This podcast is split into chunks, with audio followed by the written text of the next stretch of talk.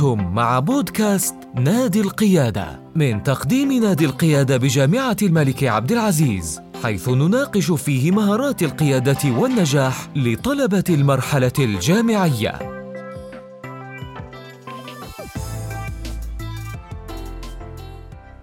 يا هلا وسهلا فيكم وحياكم الله مستمعينا الكرام في الحلقة الثانية من بودكاست نادي القيادة الصادر عن نادي القيادة بجامعة الملك عبد العزيز.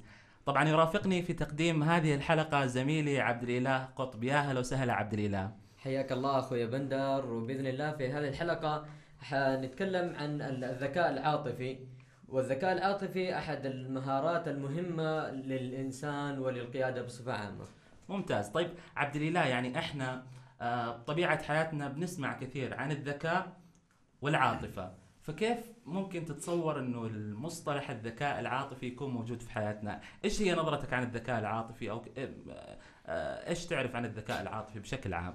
أتوقع ان الذكاء العاطفي هو السيطرة على المشاعر وتحكم تحكمك لمشاعرك في أي موقف تمر به في حياتك. طيب جميل. آه، يعني مبدئيا آه، لو حبينا نتعرف أكثر عن الذكاء العاطفي ما ما حنفتي عليكم مستمعينا الكرام. ضروري آه، نستضيف مختص في هذا المجال. آه، ضيفنا اليوم هو رئيس قسم المناهج وطرق التدريس بكلية الدراسات العليا التربوية ومتخصص في مجال التعليم والتفكير وتنمية المهارات الحياتية. آه، له عديد من المؤلفات في مجال التدريس والتنمية والتفكير والمهارات الحياتية.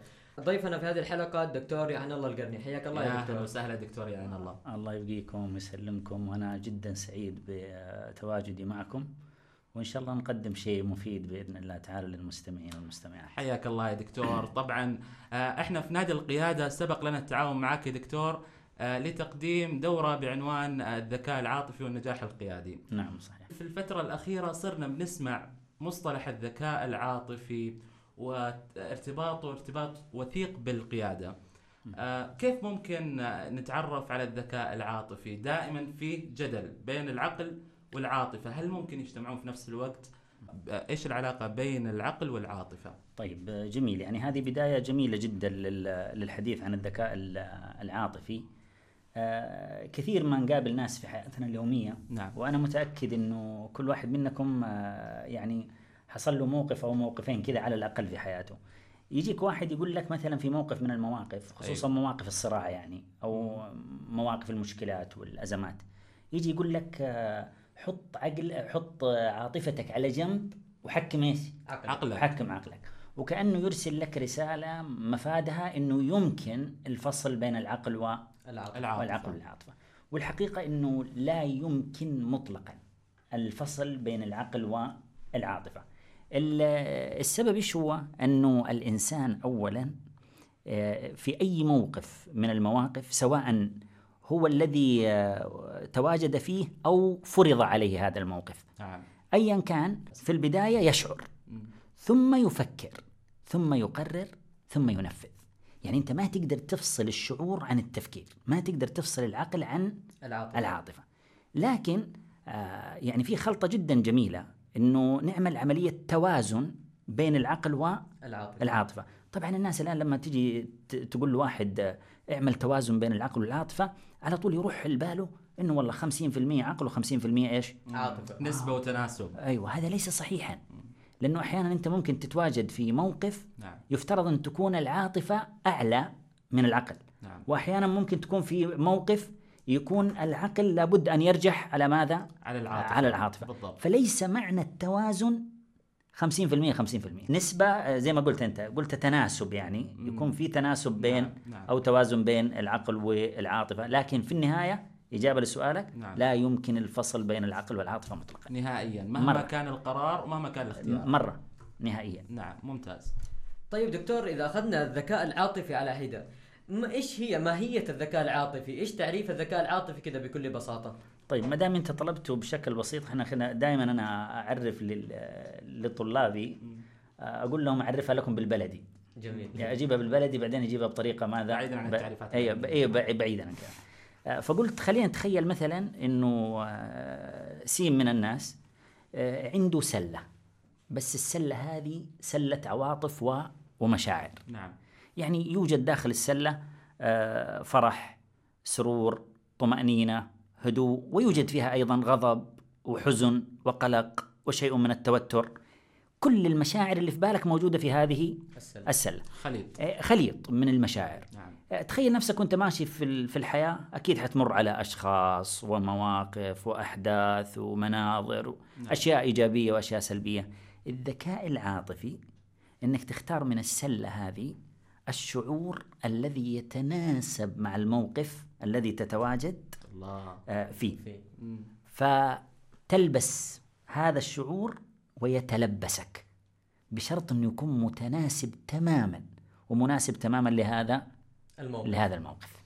يعني إحنا بنقول دائما يا دكتور لكل مقام مقال. فأنا لما بروح لشخصية مهمة طبيعي اللبس اللي حلبسه لما حروح له مو مو زي لما. أروح للجامعة مثلا أو أي مكان عام. يا سلام عليك. وكذا المشاعر. وكذا المشاعر. يعني أنت رايح على على على عرس. نعم. يفترض اللي الذي يتلبسك مشاعر الفرح والسرور وكذا. صحيح. رايح عزاء. رايح عزاء. حتى لو كان قبل العزاء بدقائق أتاك خبر سعيد.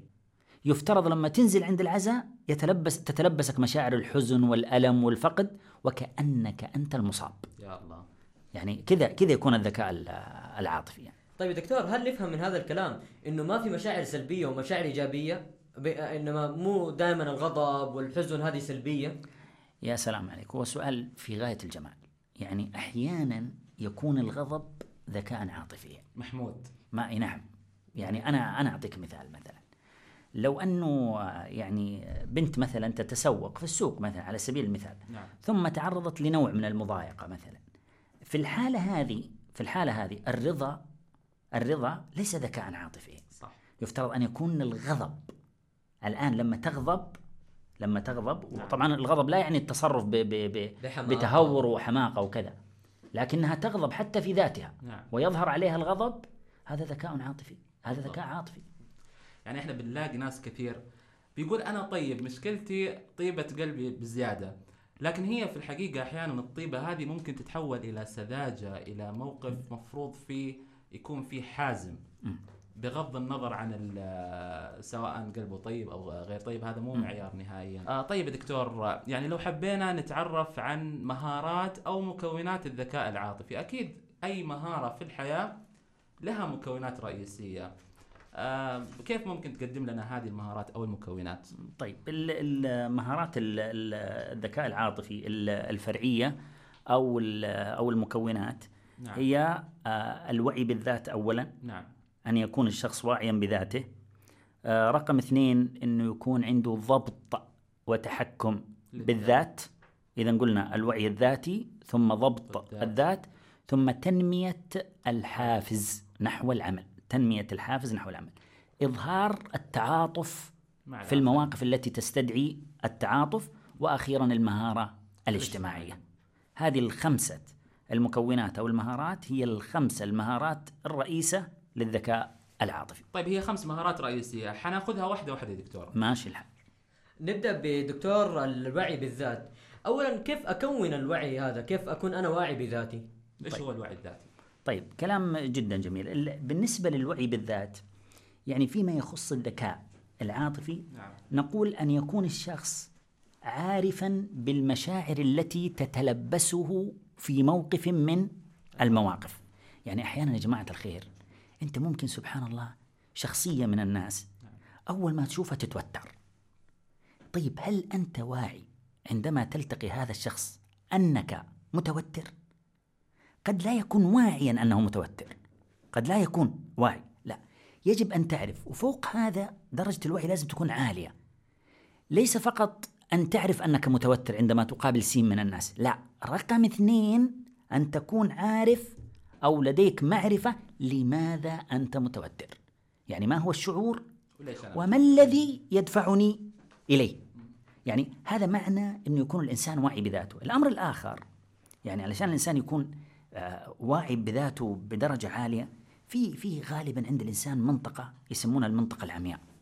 المنطقة العمياء هذه يراها الآخرون فيك وأنت. لا, لا تراها. جزء كبير من مشاعرنا قد نطلقها للعنان ونحن لا نشعر.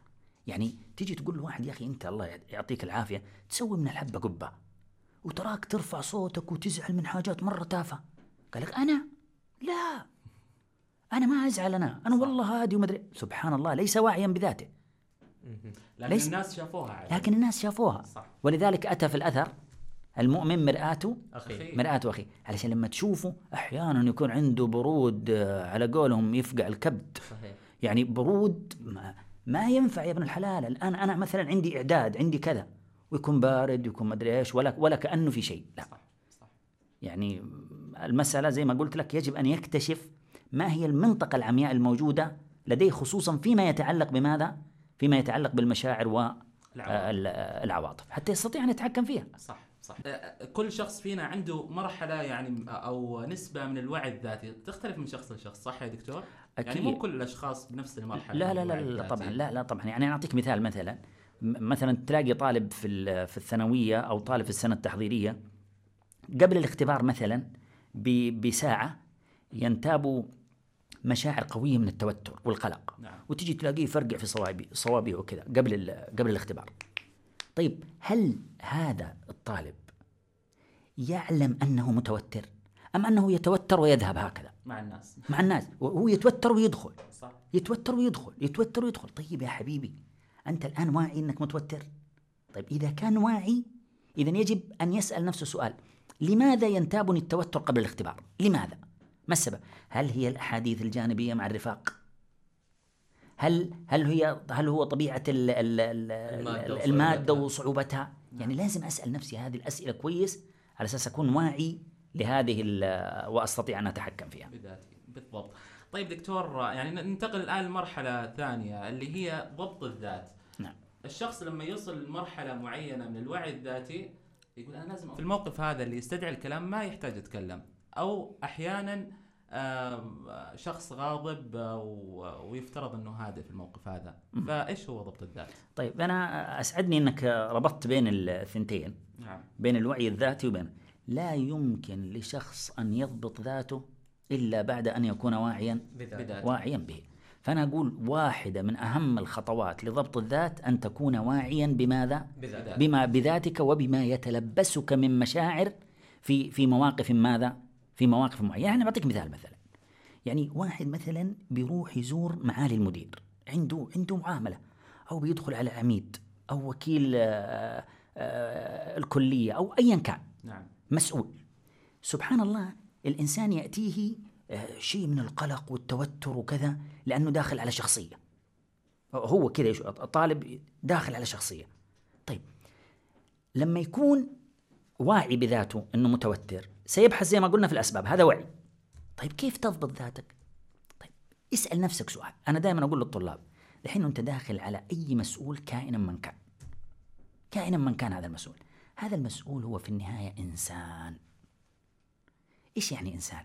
يعني يضحك يبكي يحزن يتفاعل يقلق بشكل طبيعي. يتوتر يتفاعل بشكل طبيعي. يعني هو أمامك إنسان بس هو صار إيش؟ منصب. صار منصب ولا هو ما يفرق عنك ابدا. ولذلك لما الواحد يستحضر مثل هذه المعاني يستطيع أن يضبط ماذا؟ ذاته ذاته ويتحدث. المسؤولين الآن يحبون من يتحدث إليهم بتلقائية. لا يحبون المتملقين والمتسلقين ولا يحبون المتكلفين. يعني يجي واحد يتكلف وما أدري إيش يعني ما يحبون لا كذا ولا كذا. يبغوا الواحد يجي يتحدث بماذا؟ خليك عفوي بطلاقة خليك عفو طبيعية. خليك عفو هذا لا يتأتى إلا لشخص يستطيع أن يضبط ماذا؟ ذاته يضبط. ذاته وإذا حبيت أعطيكم وصفة كذا مرة يعني تفضل، حلوة. في وجهة نظري أنها جميلة جدا لل... الحياة هذه كلها لما أجي أصنفها هي عبارة عن أحداث ومعاني وسلوكيات أو ردود أفعال فالأحداث هذه إذا صبغت يعني ب ب بشكل متطرف أو أعطيتها معاني متطرفة. يعني إذا أعطيت الحدث معنى متطرفا. فمن الطبيعي جدا أن تكون ردة فعلك ردة فعل متطرفة. سواء تطرف إيجابي أو تطرف نعم نعم سلبي يعني نعم. يعني الآن يعني مثلا موقف من المواقف على سبيل المثال أنت مريت بندر ولا عبد الإله مر من جنبي وما سلم. نعم. ما سلم. يعني مثلا حصلت على جائزة نجم الجامعة وبعد مرور أسبوعين مريت من جنبي عن الله القرني وما ما سلمت عليه. دكتور لازم أسلم. اي فيجي يقول والله هذا الر- الراجل أنا أفسر مثلا هذا الراجل ما- بس أخذ نجم الجامعة وقام شاف نفسه علينا. ما كان أمس يتصل علينا ويقول لنا تعال دورة تعال سوي لنا كذا تعال. صح صح أي. شوف أنا الآن أعطيتها معنى إيش؟ فسرت متطرف متطرف. فأكيد حيكون ردة فعلي ردة فعل إيش؟ غير محسبه محسوبة منفلتة. نعم. يمكن لو يجي جنبي أعرض إيش؟ أعرض عنه. وأروح أعرض عنه. لكن ممكن أقول يا أخي مشغول. يفكر في شيء. مستعجل. مستعجل. آه، عنده مهمات رايح لها. بالشكل هذا لما تعطي الأحداث معاني عادية غير متطرفة أو مناسبة مع الموقف أكيد حتكون ردة فعلك ردة فعل ما لا. آه، ولازم نتذكر قول النبي صلوات ربي الله وسلامه. عليه. ليس الشديد بالسرعة إنما الشديد من يملك نفس وقت نفسه عند الغضب. يملك نفسه عند الغضب يعني قادر على ضبط ذاته. جميل. جميل جدا طيب دكتور أحيانا كثير نسمع عن الدوافع وأنه الدافع إذا كان داخلي والحوافز إذا كانت داخلية تدفعك أكثر نحو العمل كيف أنمي الحوافز هذه كيف أعرف الحوافز كيف أعرف الدوافع الشخصية لي وكيف أنميها آه، هو هذا واحد من أهم ال- المهارات آه، مهارات الذكاء العاطفي إن يكون الإنسان قادر على تنمية حوافزه الداخلية نحو ماذا؟ نحو العمل. اولا ماذا يعني ان أن يكون الإنسان متحفزا لعمله؟ معناه أنه محب لعمله بغض النظر عن الأجر وبغض النظر عن الترقيات. جميل. يعني بغض النظر عن الأجر بغض النظر عن المناصب والترقيات أنا أحب عملي. أنا أحب عملي. طيب من أين يأتي؟ لن يشعر بطعم الحياة شخص لا يحب عمله. يعني خذها مني. لما يجي واحد مغصوب يقول لك أنا كاره هذا المكان وكاره كذا. أنت كيف تأثر في الأجيال؟ كيف تشتغل؟ كيف تعمل؟ كيف تشعر؟ خبرة سنة واحدة بتتكرر 20 مرة 20 سنة. نعم. لكن إذا كنت محب طبعا من أين يأتي ال- الحافز؟ يأتي الحافز من شيء يسمونه الحاجة. الحاجة. الحاجة. جميل. والحاجة هي مقدار النقص الذي يعاني منه الفرد في جانب من جوانب حياته. يعني على سبيل المثال مثلا سين من الناس آه عنده نقص على سبيل المثال في الألفة في في في الناحية الاجتماعية. عنده فوبيا اجتماعية من الجلوس مع الناس. مع المجتمع. إي ما عنده نقص. فيجي عنده في الداخل حافز داخلي يقول له يا أخي طور حالك طور حالك في الناحية الاجتماعية. بعد كذا بارك الله فيك. لو أن هذا الحافز انطفأ أو تضع- يحرق يحرقوا داخليا. أيوه نعم. أيوه. أو تضاءل. إيش نقول له؟ نقول له ابحث لك عن باعث خارجي. يعني الآن أنا لما لما مثلا طالب من الطلاب يشوف عبد الإله ولا يشوف بندر وهم يتصدرون المشهد بسم الله ما شاء الله ويقدمون وكذا الله وفي النشاطات وفي ال... والله ترى أنا ما جاملكم الله أنا أنا. أنا جدا مبسوط منكم الله ترى يرفع قدرك أي والله. ولو أنا يعني مثلا كذا ما كان صبرت معاكم ترى لطعتون لطعتونا هنا. أي. فالحاصل لما لما يشوف نموذج متفوق وكذا يعتبر هذا بالنسبة له باعث. لما يشوفه بهذا الشكل تستيقظ حوافزه من جديد فينطلق نحو إيش؟ العمل نحو العمل ونحو الدراسة. ونحو هو داخلي ولا خارجي يعني هو داخليا من نفسه قال أنا أبغى أصير زي فلان ولا عشان فلان هو متميز يبغى يصير زيه حنا نسي حنا نقول لل... لل... أنا ضربت مثال بندر وعبد الله أنا أقول هذول يمثلون الباعث. والبواعث هذه نسميها دوافع خارجية متى يلجأ إليها الشخص؟ يلجأ عندما تنطفئ دوافعه إيش؟ الداخلية. الداخلية اللي هي الحوافز. نعم. فيروح يشوف يطالع يحضر مؤتمرات يحضر دورات يحضر لقاءات فيشوف الناس ويطالع في... فيعود ويتحفز من ماذا؟ من من الخارج. من جديد. هل دكتور دائما الحوافز الدافعية والداخلية أفضل من الخارجية وأقوى ولا لا؟ وقت ما أحتاج هذه وقت ما أحتاج هذه. طبعا هي أقوى بكثير. جميل. أقوى بكثير. لكن أنا ترى ما أقدر أفصل بينها لأنه لأنه الحوافز الداخلية غالبا آه، تستيقظ إذا كان في بواعث. إذا كان في دوافع خارجية تستيقظ. وبالتالي أنا ما أقدر أفصل آه، الخارجية أي- عن الداخلية. أفصلها عن بعضها. هي كلها في النهاية دوافع والدوافع مهمة جدا لتنمية الحافز والحافز مهارة هامة من مهارات جميل الذكاء جميل يا العاطفي. دكتور آه، إحنا بطبيعتنا كمجتمع في الفرح وفي الحزن وللي نحبهم أحيانا بيفرحون لمواقف معينة وبيحزنون لمواقف معينة. من ضمن المهارات اللي عرفت فيها في البداية دكتور هي إظهار التعاطف. آه، كيف ممكن نظهر هذا التعاطف؟ طيب التعاطف أنا اولا دائما نروح للمفاهيم المغلوطة يعني يعني أو أو الناقصة غير المكتملة. نعم. آه، بعض الناس يجي يقول لك آه إنه التعاطف يحدث فقط مع الناس الذين يشعرون بالحزن والألم والفقد وال... لا أيضا في حالات الفرح والسرور. يفترض إنه يكون لنا أيضا وقفة. الذكي عاطفيا يتعاطف مع الذين يشعرون بالحزن ويتعاطف مع الذين يحققون آمالهم و... وطموحاتهم.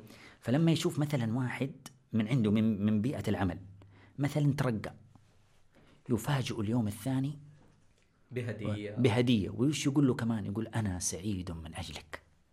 الله. يعني لاحظ ولما يشوف واحد متألم فقد حبيب ولا كذا؟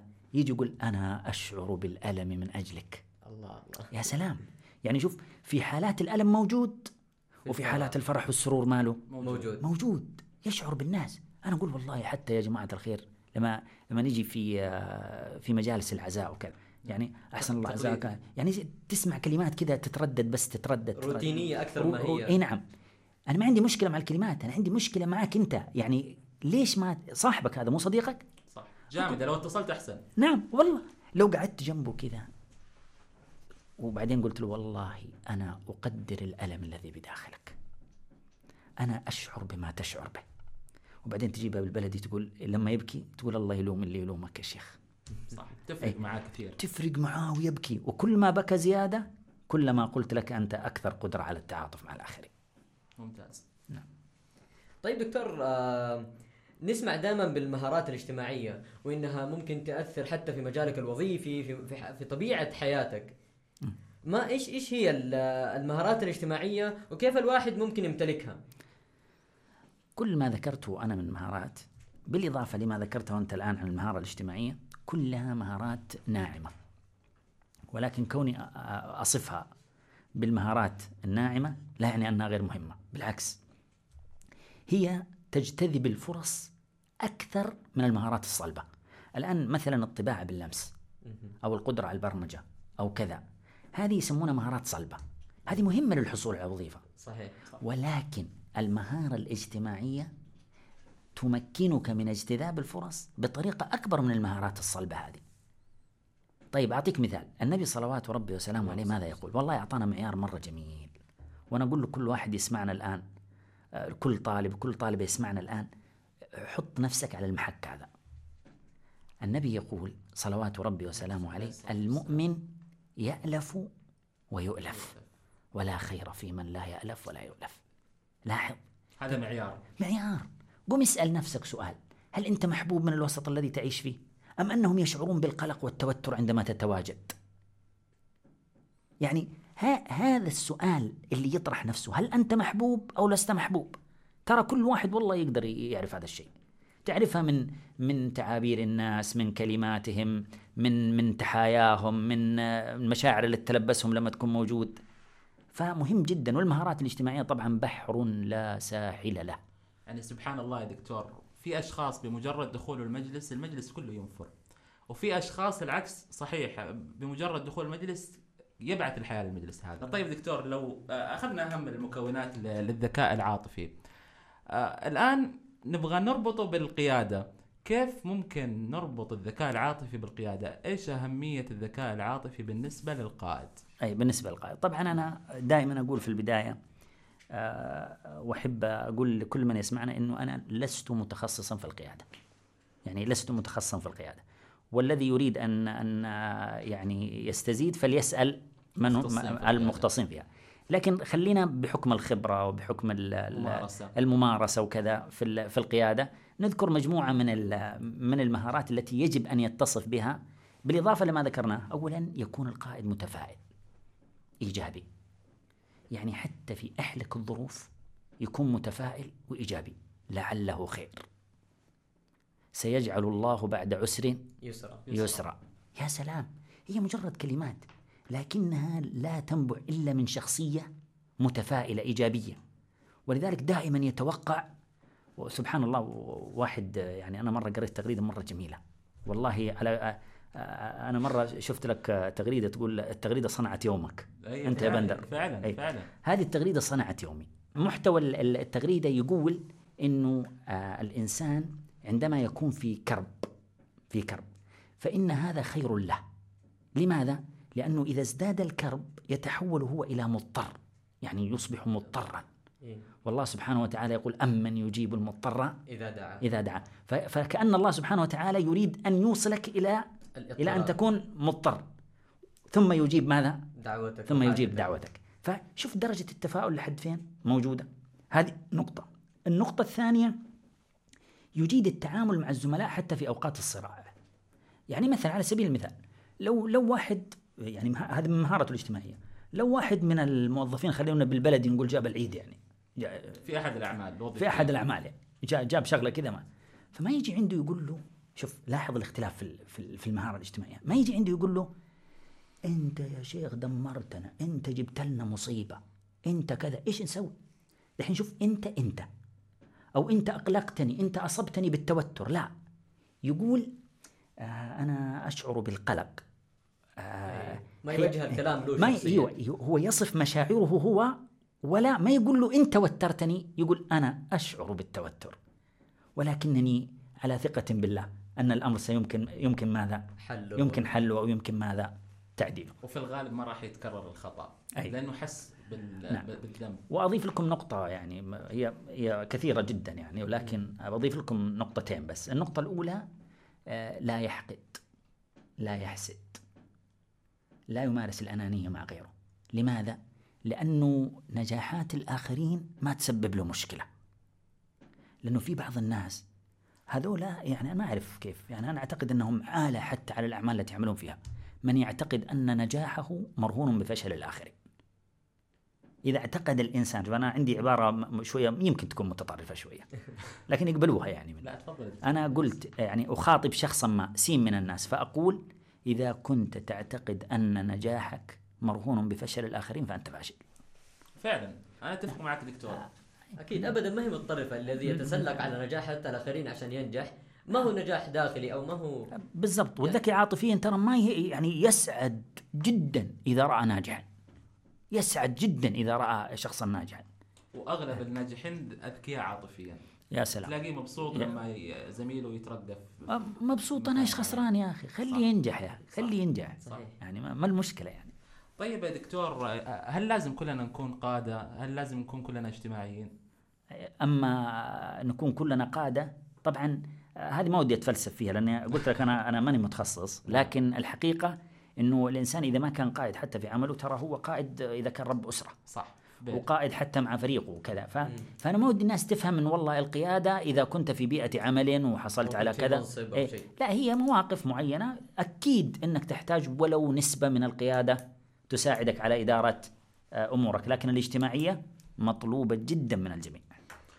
قبل آه، تسجيل الحلقة يا دكتور أنا طرحت آه، سؤال في تويتر آم، آه، إيش هو سؤالك للدكتور؟ يعني الله بصراحة جاء تفاعل آه، جميل على التغريدة والعديد من الأسئلة لو نجاوب عليها سريعا يا دكتور.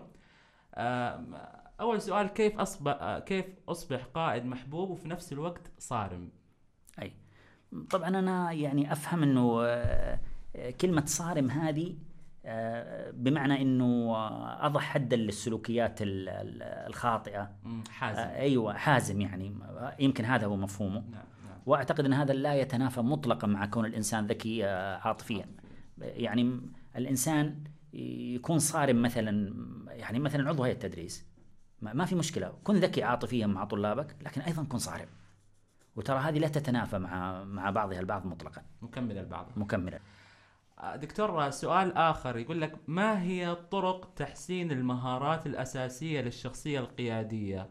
من الناحية التنظيمية والفنية. أنا ما فهمت السؤال مرة لكن والله- أعت- والله أعتقد أنه قصده أنه كيف نكون منظمين لأوقاتنا آه وتكون شخصيتنا قيادية فعلا.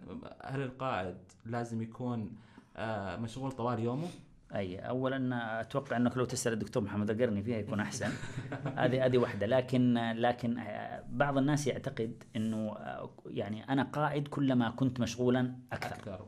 وهذا ليس صحيحا يعني. نعم. يعني يفترض إنه يكون على قولهم ساعة وإيش؟ وساعة. وساعة. يعني في منظمة مرتبة وأنت عارف عجلة الحياة أنت وعبد الإله إنه لابد أن يكون هناك توازن بين كافة الجوانب سواء كانت آه، صحية أو اجتماعية ثقافية أو وروحية. دينية أو ثقافية أو عملية أو وظيفية. نختم حلقتنا يا دكتور بسؤال أخير كيف ممكن ننمي مهارات الذكاء العاطفي؟ كيف تكون سلوكيات يومية؟ طيب أنا أقول دائما لهم في بداية والله كل برنامج وبداية كل محاضرة جديدة على الطلاب أقول له شوف أنت ستتلقى مجموعة من المهارات لا يمكن إنك تجي تحضر لي دورة عن الذكاء العاطفي وتخرج ذكي عاطفي ولا تحضر دورة في التفكير وتخرج مفكر. هذا ما عمره ما عمرها حصلت. في التخطيط مثلا. اي في التخطيط وتخرج مخطط. لا لا بد أن تفعل شيئا. النتائج دائما مرتبطة بفعل الأسباب. ألم ترى أن الله قال لمريم وهزي إليك الجذع؟ يسقط لك الرطب. ولو شاء أن تجنيه من غير هزة جنته ولكن كل شيء له سبب. تبغى على سبيل المثال تضبط ذاتك. يا أخي أنت طالع الآن في الشارع. واحد لف عليك مثلا أو انت أو أنت أخطأت بطريقة معينة وقام طلع راسه ويصايح عليك وكذا. قل له كذا يا أخي الله يسامحك الله يسامحك. ولا يهمك حبيبي على راسي حط يدك على راسك كذا. فيه. قل على راسي حبيبي ولا يهمك. الآن أنت جالس تربي نفسك. صح. إذا سويتها مرة مرتين ثلاثة أربعة ستصبح قادرا على ضبط ذاتك. إنما العلم بالتعلم وإنما الحلم بالتحلم. طيب دكتور هل في كتاب تنصحنا فيه في الذكاء العاطفي أو أي مرجع؟ والله أنا يعني آه، أكثر شخص تكلم عنه آه، عن الذكاء العاطفي وله كتب فيه اللي هو دانيال آه، دانيال كولمان وكتابه الذكاء الوجداني وموجود في مكتبة جرير مترجم وفي كتاب عربي ظريف ومرتب ترتيب مرة كويس وفي مقاييس علمية كويسة يعني حاط مقياس للوعي الذاتي ومقياس لضبط الذات ومقياس للمهارة الاجتماعية؟ وهو الدكتور عثمان الخضر ومنسق الكتاب بشكل جميل آه، عنوانه الذكاء الوجداني برضه. لأنه الذكاء العاطفي هو الذكاء الوجداني. الذكاء الوجداني. نفس المسمى تقريبا اي نفس ال... الوجداني نعم نعم العاطفي. نعم نعم هو نفسه. طيب في ختام آه، هذه الحلقة صراحة نشكرك يا دكتور على ما تفضلت فيه من معرفة وفائدة وعلم. آه نعرف قديش أنت مشغول وقديش وقتك ضيق جدا. لكن أكرمتنا بهذا اللقاء وأكرمتنا سابقا بدورة جماهيرية وإن شاء الله برامجنا القادمة مع نادي القيادة أكثر وأكثر. شكرا يا دكتور والله يعطيك العافية. العفو يا حبايب وأنا جدا سعيد والله بوجودي معكم الله يعطيك العافية يا دكتور وجزاك الله خير وتشرفنا فيك والله. وأنا كذلك يا سيدي شكرا. الله يعطيك. يعطيكم العافية. كنتم مع بودكاست نادي القيادة. يمكنكم التواصل مع نادي القيادة عبر حسابنا على تويتر at KAU Leaders Club.